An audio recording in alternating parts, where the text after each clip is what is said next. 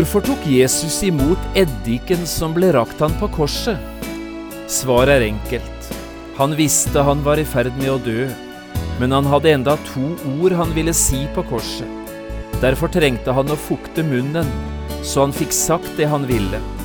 Og så skriver Johannes, da han hadde fått vineddiken, sa han, det er fullbrakt, og han bøyde sitt hode og oppga sin ånd.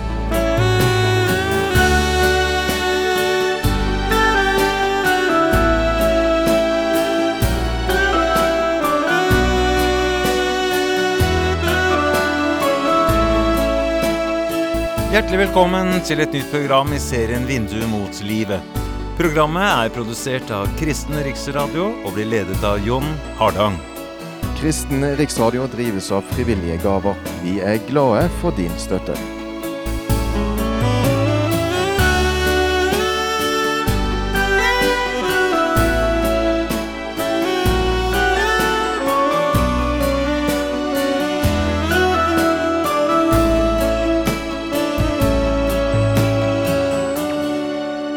Også i dag skal vi se litt på Jesu femte ord på korset, det korteste ordet av dem alle.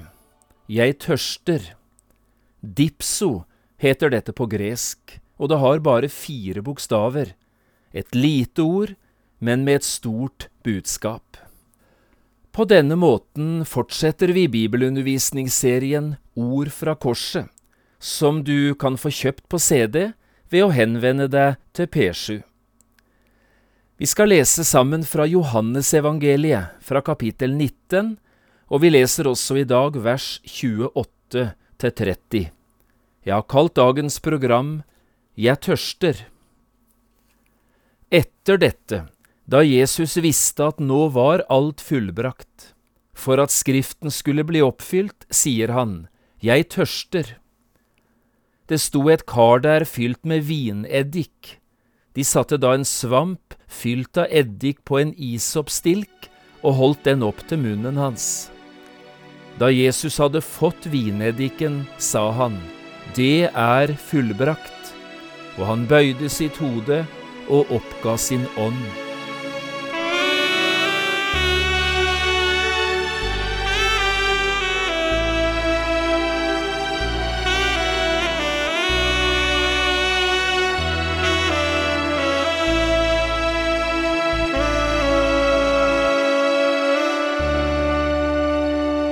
Det er ikke noen av oss som ikke vet hva tørst er. Vi har vært tørste alle sammen, noen ganger litt og andre ganger mye. Enkelte ganger opplevde vi kanskje til og med tørsten så tøff at vi aldri kommer til å glemme hvordan vi egentlig hadde det. Også jeg har en slik opplevelse av brennende tørst. Den skriver seg fra november 1979. Jeg var nyansatt lærer på Indremisjonsselskapets bibelskole i Oslo. Jeg hadde bare arbeidet der i tre måneder da jeg fikk akutt blindtarmbetennelse. Det skjedde hjemme på Notodden, på besøk hos min mor, og jeg ble lagt inn tidlig på morgenen på et sykehus. Men før jeg kom til operasjonsbordet, sprakk blindtarmen. Jeg fikk bukhinnebetennelse, ble selvsagt operert, men var ei stund ganske dårlig. Og i en situasjon her fikk jeg verken smake vått eller tørt. Det var en grusom opplevelse. Og det verste av alt, det var tørsten. Jeg fikk så mange rare tanker der jeg lå. Jeg tenkte på alle de gangene jeg hadde vært i Åmotsdalselva for å fiske. Jeg kunne gå i timevis, tenkte jeg, uten å drikke så mye som en dråpe, bare fiske. Men nå tenkte jeg, hvorfor hadde jeg ikke drukket så mye som jeg bare kunne få inn? Hadde jeg vært der ved elva nå, skulle jeg ha drukket og drukket. Jeg vet ikke om du har opplevd noe lignende. I så fall vet du at tørst er en forferdelig ting, kanskje noe av det verste et menneske kan bli utsatt for. Noen av de som virkelig har studert det som skjer når et menneske dør på et kors, de beskriver tørsten som noe av det aller verste. En formulerer seg slik.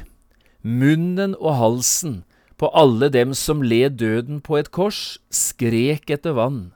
Solen stekte, varmen var uutholdelig, og ettersom offeret gikk dypere og dypere i sjokk, mistet han mer og mer væske. Huden ble mer og mer fuktig å kjenne på, leppene sprakk og blødde, og øynene ble glassaktige. Tungen svellet opp, og spyttet ble forvandlet til lim i munnen. Det høres ikke noe særlig ut hvis det var sånn det var. Og vi kan jo prøve å tenke litt etter hvordan Jesus på denne måten må ha hatt det. Tenk hvordan de siste 12–14 timene hadde vært før han kom til korset. Samværet på nattværsalen, der de blant annet hadde spist påskelammet som ble avsluttet omkring midnatt. Det var det siste Jesus hadde smakt, av vått eller tørt. Så kommer Getsemane-kampen, arrestasjonen av Jesus, og så en lang rekke med forhør. Disse må iallfall ha vart i seks timer. Og under disse forhørene var han blitt ydmyget, hudstrøket, slått, drevet rundt og spyttet på, kledd naken og hånet. Gjennom alt dette hadde han ikke hatt ett minutt med hvile, ikke mat, og ikke drikke. Og så hadde han selv måttet bære sitt kors så lenge han orket det. Og som om ikke det var nok, hadde han nå hengt seks timer på korset, tre av disse timene i brennende varm sol. Men det er altså ikke før helt på slutten at Jesus sier Jeg tørster, og får tilbudet om noe å drikke. Slik oppførte Jesus seg han som alltid hadde hatt de andre for øye. Det ligger følelser og mye smerte i dette ropet. Jeg tørster. En av USAs høyest dekorerte flygere var kapteinen Eddie Rickenbacker. Han var aktiv både under første og andre verdenskrig. I november 1942 fikk han ansvaret for et hemmelig oppdrag som innebar at han måtte fly fra USA til Ny-Guinea, bare med noen få mellomlandinger. På vei over Stillehavet møtte de uvær. Flyet kom ut av kurs, de gikk tom for drivstoff og måtte nødlande. Det skulle bli til 24 døgn i en åpen flåte, der bare en mindre del av besetningen på 20 mann overlevde. Å lese historien om hvordan disse hadde det, er grufullt, og det verste av alt, det var tørsten. De hadde vann og mat for tre dager, men så var det slutt. De ropte og ba til Gud om regn, men solen skinte dag etter dag fra skyfri himmel. Og når regnet kom, kunne de bare få i seg det som var samlet i flåten, og det som de kunne presse ut av våte klær. En sjøfugl som en dag satte seg på flåten, ble til litt mat og litt agn i et forsøk på å prøve å fiske. Slik eksisterte de der langt ute på havet i en forferdelig ensomhet. Munn og hals skrek etter drikke, men det var ingenting å få. Noen begynte å drikke saltvannet fra sjøen, og døde. Noen tørnet og ble gale. Noen begynte å drikke sin egen urin, men så ble de siste altså reddet etter 24 forferdelige døgn i sjøen. Det er mennesker som har opplevd slike ting, som kanskje best forstår hva Jesus mente denne dagen da han satte ord på sin tørst. Jeg tørster, slik sa han det altså gudmennesket Jesus Kristus han som var sann Gud og sant menneske i én og samme person. Og her er det mennesket Jesus som roper. Gud tørster ikke. Gud kan ikke dø. Men Jesus, han ropte, som en som både kunne tørste, og som snart skulle lide og dø. Disse to ordene, jeg tørster, gir oss et innblikk i Jesu dype, menneskelige lidelse. Det vi har lest i dag fra Johannes 19, skjedde altså ved den niende time, det vil si klokka tre på ettermiddagen. Da hadde Jesus hengt på korset i seks timer, de siste tre av timene i stummende, gudsforlatt mørke. Først lyder skriket, Min Gud, min Gud, hvorfor har du forlatt meg? Et rop som tolker den sjeleangst som Jesus hadde kjent på der i mørket på korset. Og så kommer ropet Jeg tørster. Med dette ropet setter Jesus ord på sin fysiske, sin legemlige smerte. Han er på alle måter smertenes mann denne dagen. Når Jesus sier Jeg tørster, oppfyller han også Skriften, sier Johannes her. For også dette med tørst hadde det profetiske ordet talt om forferdelig tørst.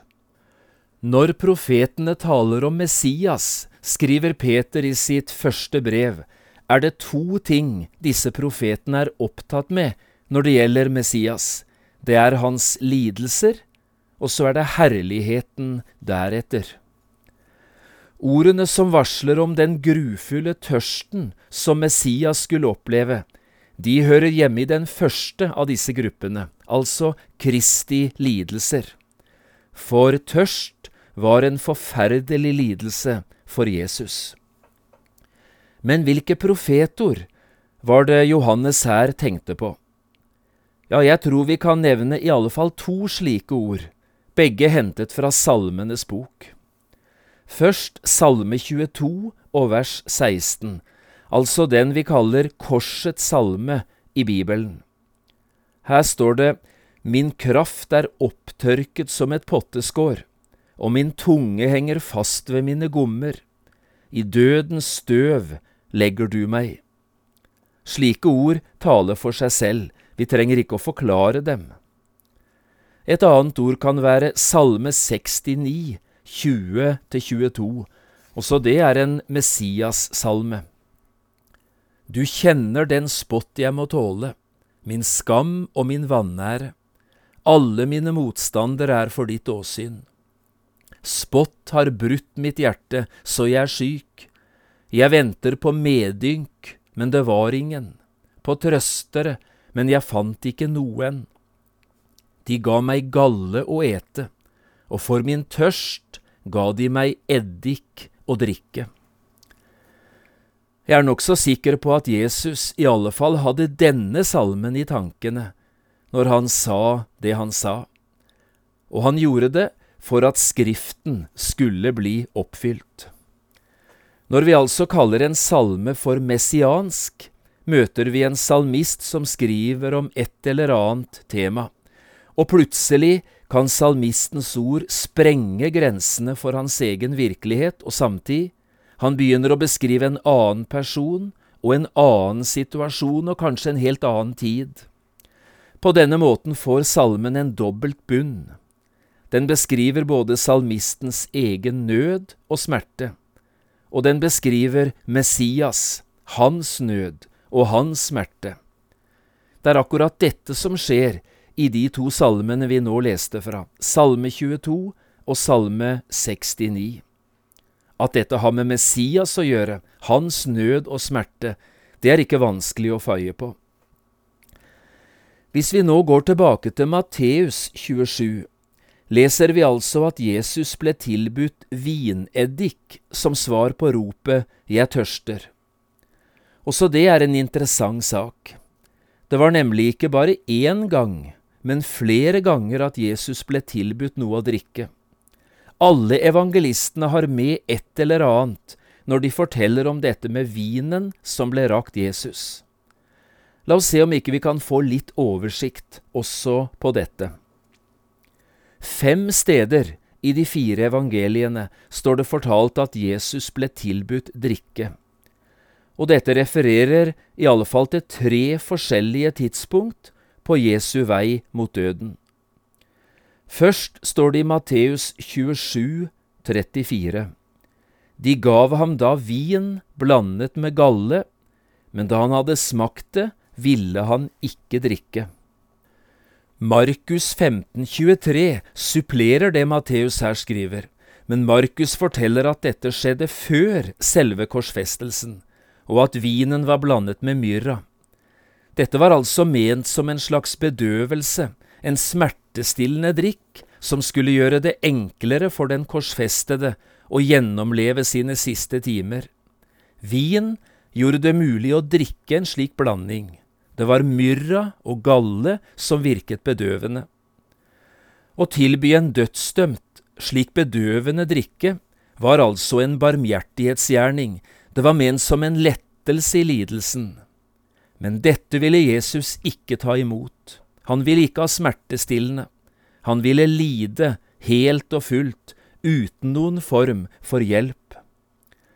Så forteller Lukas at de romerske soldatene tilbød Jesus noe å drikke mens det fremdeles var lyst, og før Jesus begynte samtalen med den botferdige røveren. Også soldatene hånet ham, de kom bort til ham og rakte ham eddik. Slik står det i Lukas 23, 36. Og noe mer enn dette sier ikke Lukas. Nå var det ikke barmhjertighet det handlet om. Nå var det en ny måte å håne Jesus på. Poenget med en korsfestelse var jo at det ikke skulle være lett å dø. Dødsprosessen skulle være så lang og smertefull som mulig. Henrettelsen skulle vare lenge, og litt fuktighet, det ville bare forlenge den døendes lidelser enda mere. Men i Matteus 27, 47–49 får vi høre, da noen av dem som sto der, hørte dette, sa de, han roper på Elias. Og straks løp en av dem til, tok en svamp og fylte den med vineddik. Han satte den på en rørstav og tilbød Jesus å drikke. Men de andre sa, Vent, la oss se om Elias kommer for å frelse ham. Dette var altså etter at Jesus hadde ropt Min Gud, min Gud, hvorfor har du forlatt meg?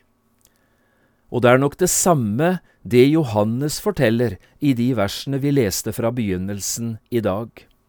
Det sto et kar der fylt med vineddik, skriver Johannes.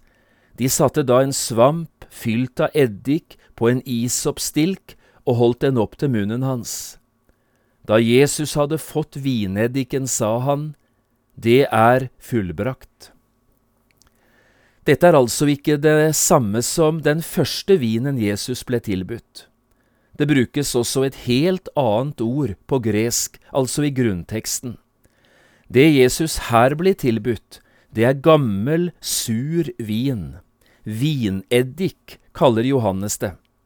Dette var ikke smertestillende, dette var bare for tørsten, og det var den billigste drikken du kunne få på denne tiden, det billigste og det vanligste, akkurat som vann i vår tid. Denne vinen ble vanligvis drukket av de fattige. Dette var slavenes forfriskning og fangenes drikk. Bare det at de ga jødenes konge noe slikt, var en hån i seg selv. Derfor sto det hos Lukas at soldatene hånet ham idet de ga han denne drikken. I tillegg er det vel nærmest en sadistisk ting å gjøre å rekke en korsfestet mann litt vin. Det fører jo bare til at henrettelsen varer lengre, slik vi har snakket om det. Men hvorfor tok Jesus imot denne vineddiken? Svaret er enkelt, tror jeg. Jesus visste at han nå var i ferd med å dø. Men før dette skjedde, hadde han enda to ord han ville ha sagt, og for å kunne si disse to ordene trengte han å fukte munnen. Det er derfor Johannes skriver, da han hadde fått vineddiken, sa han, det er fullbrakt, og han bøyde sitt hode og oppga sin ånd.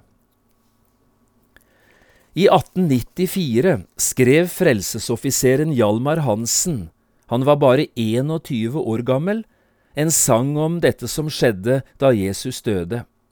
Se mengden til Golgata iler, kalte han denne sangen. Og i de to siste versene i denne sangen berører Hjalmar Hansen noe av det vi har snakket om i dag, men fra en helt annen synsvinkel enn den vi har snakket om i dag. Nå har jeg lyst til å sitere disse to versene. Jeg tørster, å tenk hvilken smerte. Jeg tørster, ja, tenker vi på hvor meget hans elskende hjerte har tørstet for sjeler å nå. Han glemte seg selv midt i døden.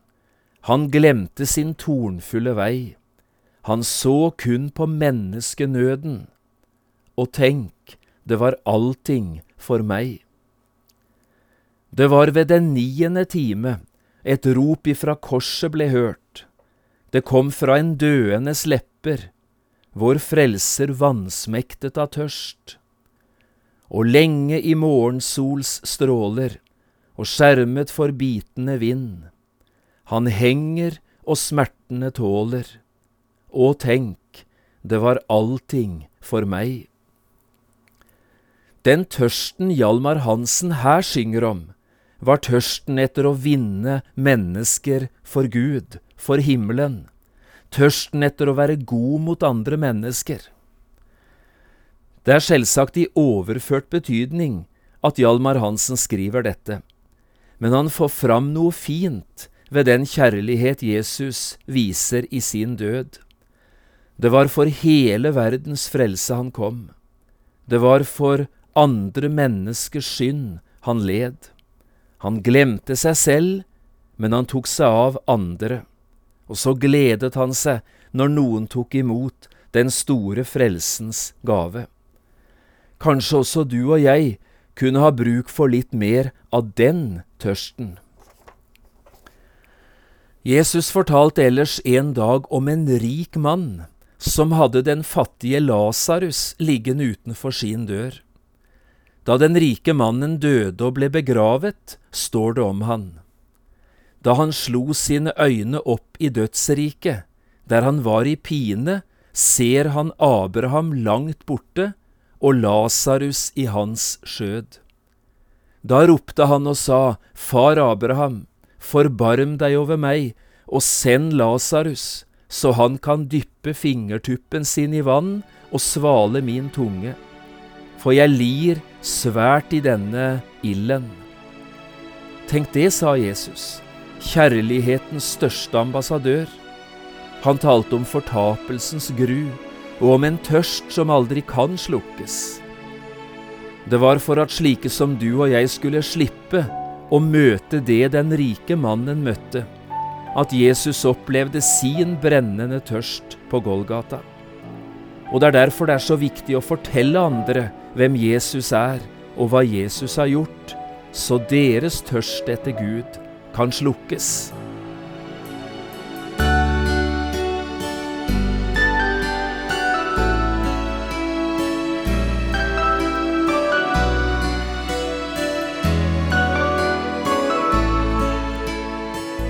Du har hørt på et program fra serien Vindu mot livet med John Hardang.